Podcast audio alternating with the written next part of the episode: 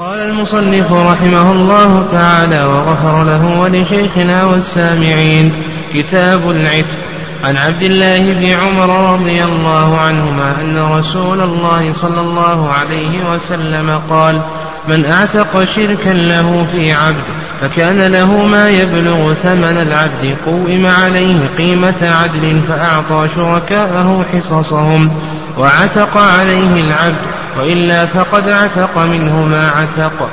وعن أبي هريرة رضي الله عنه عن النبي صلى الله عليه وسلم قال من أعتق شقصا له من مملوك فعليه خلاصه كله في ماله فإن لم يكن له مال قوم المملوك قيمة عدل ثم استسعي العبد غير مشقوق عليه. باب بيع المدبر. وعن جابر بن عبد الله رضي الله عنهما قال دبر رجل من الأنصار غلاما له وفي لفظ بلغ النبي صلى الله عليه وسلم أن رجلا من أصحابه اعتق غلاما له عن دبر عن دبر لم يكن له مال غيره فباعه رسول الله صلى الله عليه وسلم بثمانمائة درهم ثم أرسل بثمنه إليه. طيب. بسم الله الرحمن الرحيم. الحمد لله رب العالمين. والصلاة والسلام على نبينا محمد وعلى آله وصحبه أجمعين. يقول المؤلف رحمه الله كتاب العتق. هذا الكتاب هو آخر كتاب في هذا المتن المبارك. والمؤلف رحمه الله تعالى ختم مؤلفه بكتاب العتق تفاؤلا أن يعتق الله رقبته ورقاب المسلمين وخصوصا من انتفع بهذا الكتاب قراءة أو حفظا أو دراسة أن يعتقه الله عز وجل من النار. العتق في اللغة مأخوذ من قولهم عتق الفرس إذا سبق ونجا وعتق الفرخ إذا طار. فالعتق هو الخلوص. نعم هو الخلوص. وأما في الاصطلاح فهو تحرير الرقبة وتخليصها من الرق تحرير الرقبة وتخليصها من الرق. والعتق الأصل فيه القرآن والسنة والإجماع. أما القرآن فقول الله عز وجل فتحرير رقبة. وأما السنة فسيأتينا إن شاء الله كثير من الأحاديث. و أو يأتينا إن شاء الله بعض الأحاديث التي أوردها المؤلف رحمه الله تعالى والإجماع قائم على ذلك والعتق فيه فضل عظيم وأجر كبير. يعني العتق فيه فضل عظيم وأجر كبير ويكفي من ذلك ما ثبت في الصحيحين من حديث أبي هريرة رضي الله تعالى عنه أن النبي صلى الله عليه وسلم قال من أعتق رقبة مسلمة أعتق الله بكل عضو منه عضوا من النار حتى فرجه بفرجه. من أعتق رقبة مسلما يعني أعتق الله بكل عضو منه عضوا من النار حتى فرجه بفرجه. والرق في الشريعة الإسلامية طريقه طريق واحد. يعني كما جاء في الرق هو عجز حكمي سببه الكفر بالله عز وجل. عجز حكمي يقوم بالإنسان سببه الكفر بالله عز وجل. كيف يأتي الرق؟ يأتي الرق عند حصول القتال بين المسلمين الكفار ثم بعد ذلك تحصل الغنائم. المقاتلون الغنائم إن كانت من بني آدم فإن كانوا مقاتلين فالإمام مخير فيه. إما أن يضرب عليهم الرق وإما أن يقتل وإما أن يفاديهم بمال وإما أن يمن عليهم إلى آخره. وأما بالنسبة للنساء والأطفال فإنهم يكونون أرقة بمجرد الاستيلاء عليه هذا هذا طريق الرق في الإسلام. وأما طريق التحرير فطرقه كثيرة. نعم طرق التحرير كثيرة. من ذلك التبرع باعتاق الرقبة المسلمة وهذا فيه فضل عظيم وأجر كبير. ومن ذلك أيضا عن طريق الزكاة يعني عن طريق وفي الرقاب إلى آخره. ومن ذلك عن طريق إيجاب المكاتبة لمن سأله رقيقه الكتابة وعلم فيه خيرا إلى آخره. ومن ذلك عن طريق كفارة اليمين وعن طريق كفارة القتل وعن طريق كفارة الوطء في نهار رمضان وعن طريق كفارة الظهار إلى آخره. فطرق التحرير كثيرة جدا. ومن الطرق أيضا طريق السراية والسعاية كما سيأتي إن شاء الله في الأحاديث. قال المؤلف رحمه الله تعالى فيما نقله في كتابه عن عبد الله بن عمر رضي الله عنهما أن رسول الله صلى الله عليه وسلم قال من أعتق شركا له في عبد الشرك هو النصيب.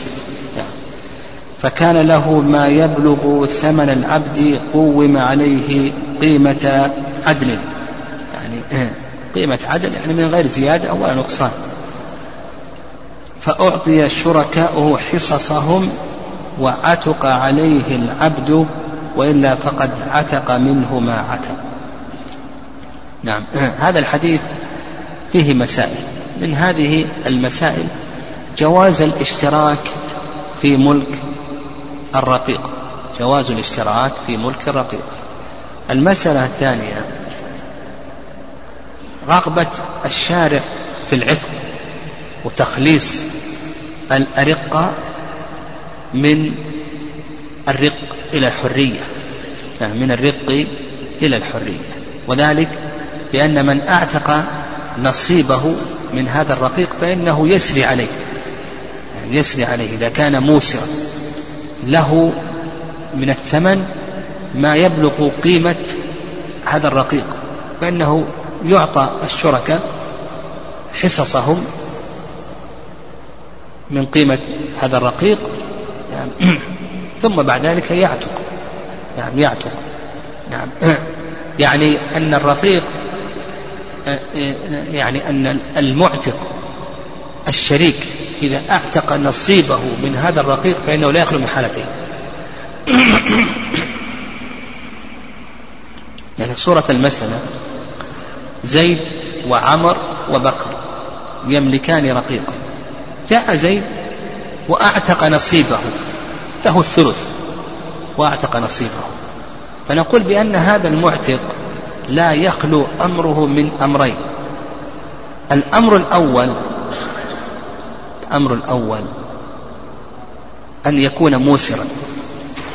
يملك بقية الرقيق. كم بقي الآن من في الرقيق؟ بقي الثلثان يملك قيمة هذين الثلثين فإنه يسري عليه الرق يسري عليه العتق العتق يسري إلى جميع الرقيق.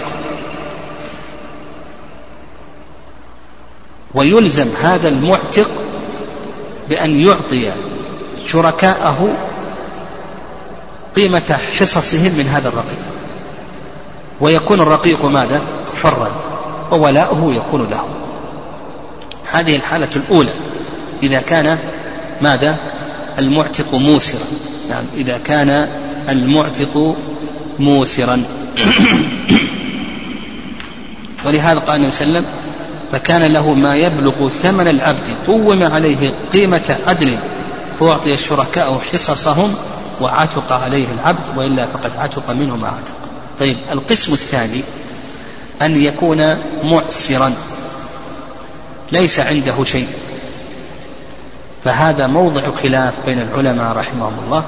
الرأي الأول أن الرقيق يكون ماذا؟ يكون مبعضا بعضه حر وبعضه رقيق. الذي أعتق يكون حرا. والثلثان اللذان لم يعتقا فإنهما يكونان رقيقين. هذا هو الرأي الأول في هذه المسألة. والرأي الثاني هو ما دل عليه حديث أبي هريرة رضي الله تعالى عنه. نعم ما دل عليه حديث أبي هريرة رضي الله تعالى عنه.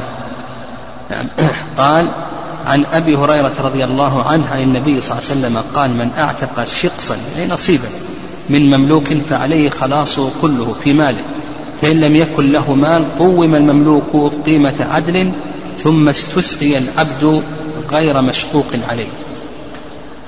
القول الأول أنه إذا كان معسرا فإن الرقيق يكون ماذا؟ مبعضا هذا ما عليه جمهور أهل العلم رحمهم الله تعالى واستدلوا بما تقدم من حديث ابن عمر رضي الله تعالى عنه حيث قال وسلم في الحديث وإلا فقد عتق منه ما عتق. هذا يدل على أنه عتق منه شيء وأما شيء لم يعتق منه بمعنى أنه أصبح مبعضا هذا ما عليه جمهور أهل العلم رحمهم الله تعالى يعني يعني مالك والشافعي وأحمد رحمهم الله. الرأي الثاني الرأي الثاني أنه يستسعى. نقول للرقيق اعمل. الآن بقي الثلثان ولنفرض أن الثلث أن قيمة الثلثين تساوي عشرة آلاف. نقول للرقيق اعمل حتى تسدد للشريكين الباقيين.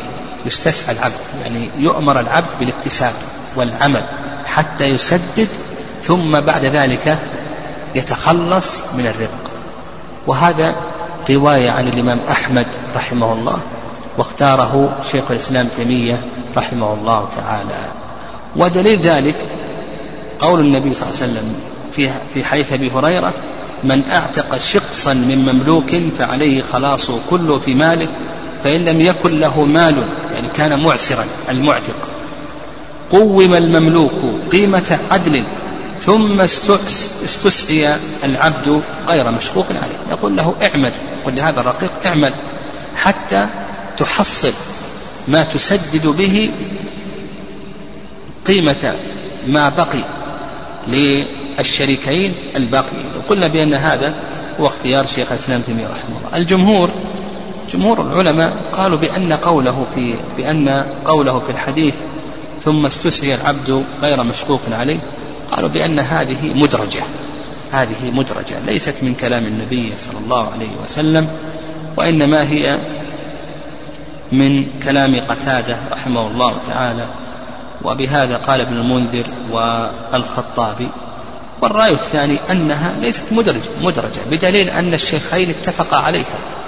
البخاري ومسلم اتفقا على أنها من كلام النبي صلى الله عليه وسلم ولا شك أن البخاري ومسلم أنهما في أعلى درجات في أعلى درجات الصحيح. وحينئذ يكون قول النبي صلى الله عليه وسلم وإلا عتق عليه ما عتق يعني يكون ذلك. إذا لم يستسحى العبد العبد رفض أن يستسحى يكون قوله وإلا عتق ما عليه ما عتق إما أن نقول بأن العبد رفض أن يستسحى رفض أن يكتسب ويعمل أو نقول بأن قوله عتق عليه ما عتق هذا بالنسبة للشريك الأول. يعني الشريك الأول عتق عليه ما عتق الذي أعتقه نعم يبقى استسعاء الرقيق. وفي قوله عليه الصلاة والسلام غير مشكوك عليه يعني غير مشكوك على الرقيق يعني إن أراد الرقيق أن يسعى وأن يحصل هذا يدل على أن الاستسعاء هذا ليس واجبا على الرقيق. إن أراد الرقيق أن يستسعى ويحصل فله ذلك وإن أراد أن يبقى مبعضا فله ذلك. كذلك أيضا أيضا يفيد قوله غير مشقوق عليه أن الرقيق أيضا لا يشق عليه. نعم لا يشق عليه يعني بالنسبة للشريكين يعني الشركة بالنسبة للشريكين الباقيين يخففان عنه في ما يتعلق بتحصيل المال ويمهلانه إلى آخره.